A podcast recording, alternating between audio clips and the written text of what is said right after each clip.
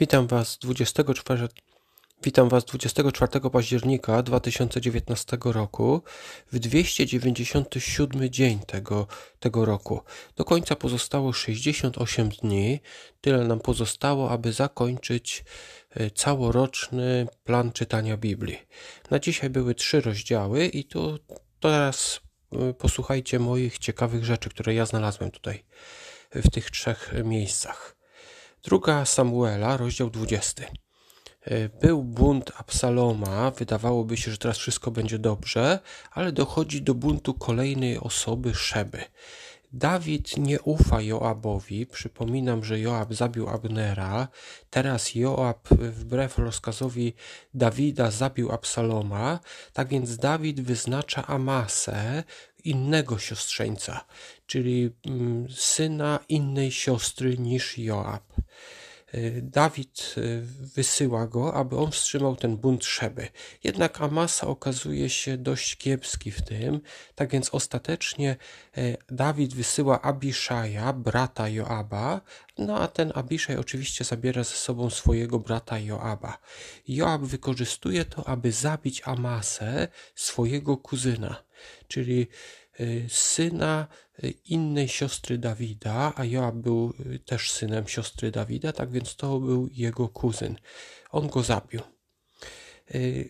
Później Joab wykonuje rozkaz Dawida, oblega miasto, gdzie ukrywa się Szeba, ten, który doprowadził do tego buntu.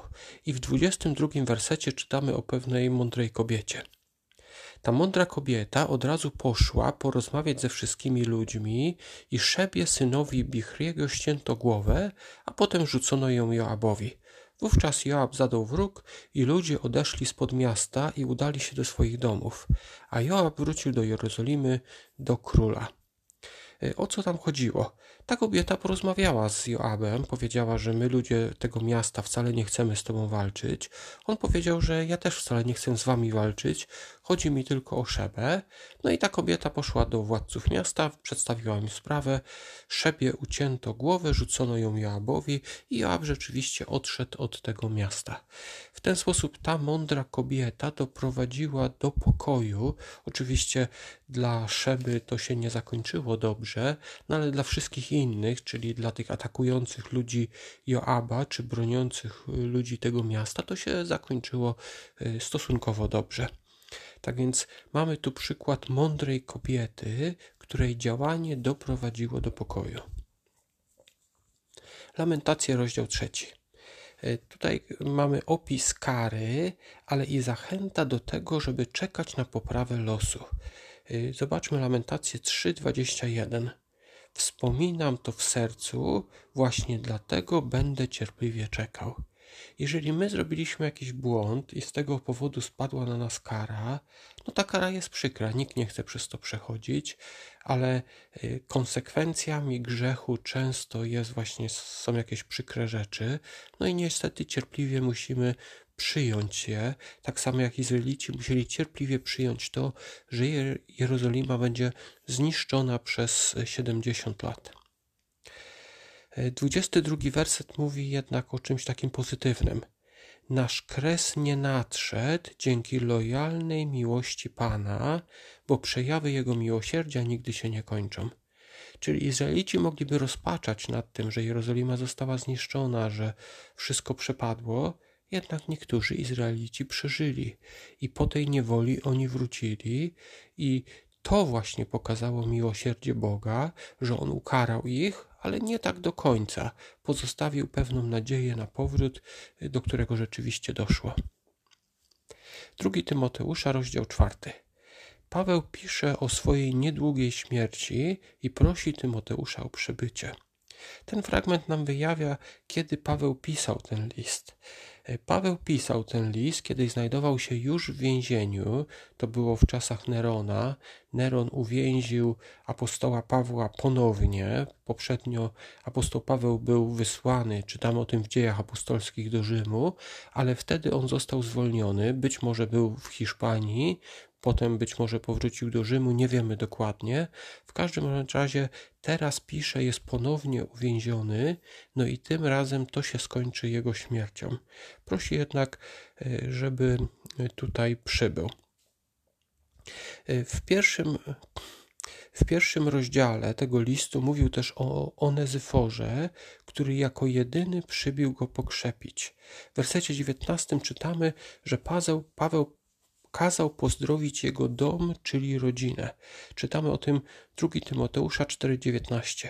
Pozdrów Pryskę i Akwilę, to dwie takie osoby, które pomagały y, właśnie Pawłowi, oraz dom Onezyfora.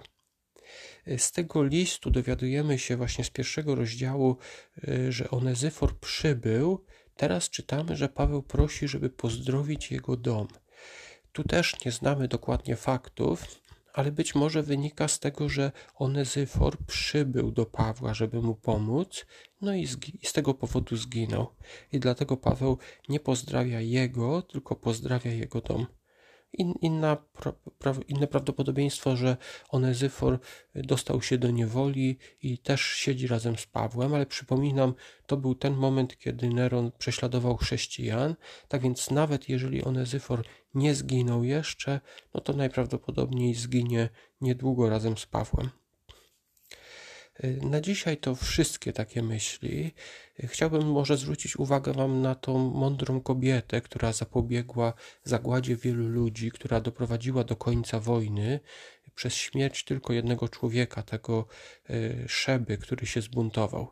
To pokazuje, co Biblia mówi o kobietach. Czasami niektórzy myślą, że Biblia myśl, mówi o kobietach, że one nie mają prawa głosu. Tutaj zauważmy, pewna mądra kobieta sama porozmawiała z oblegającym Joabem, sama później poszła do władców miasta i ona doprowadziła do pokoju. Tak więc, chociażby w tym miejscu Biblia mówi bardzo dobrze o kobietach, tu przedstawia kobietę, której inicjatywa, tak jak na przykład wcześniej Abigail czy wielu innych kobiet, doprowadziła do dobrych rzeczy. I to pokazuje, że Biblia nie zabrania kobietom takiego podejmowania decyzji. Ten przykład wręcz pokazuje, że czasami mężczyźni nie robią tego i po prostu ta kobieta wzięła sprawy w swoje własne ręce i to doprowadziło do takiej dobrej rzeczy. Na dzisiaj to wszystko. Dziękuję Wam za wysłuchanie i do usłyszenia jutro.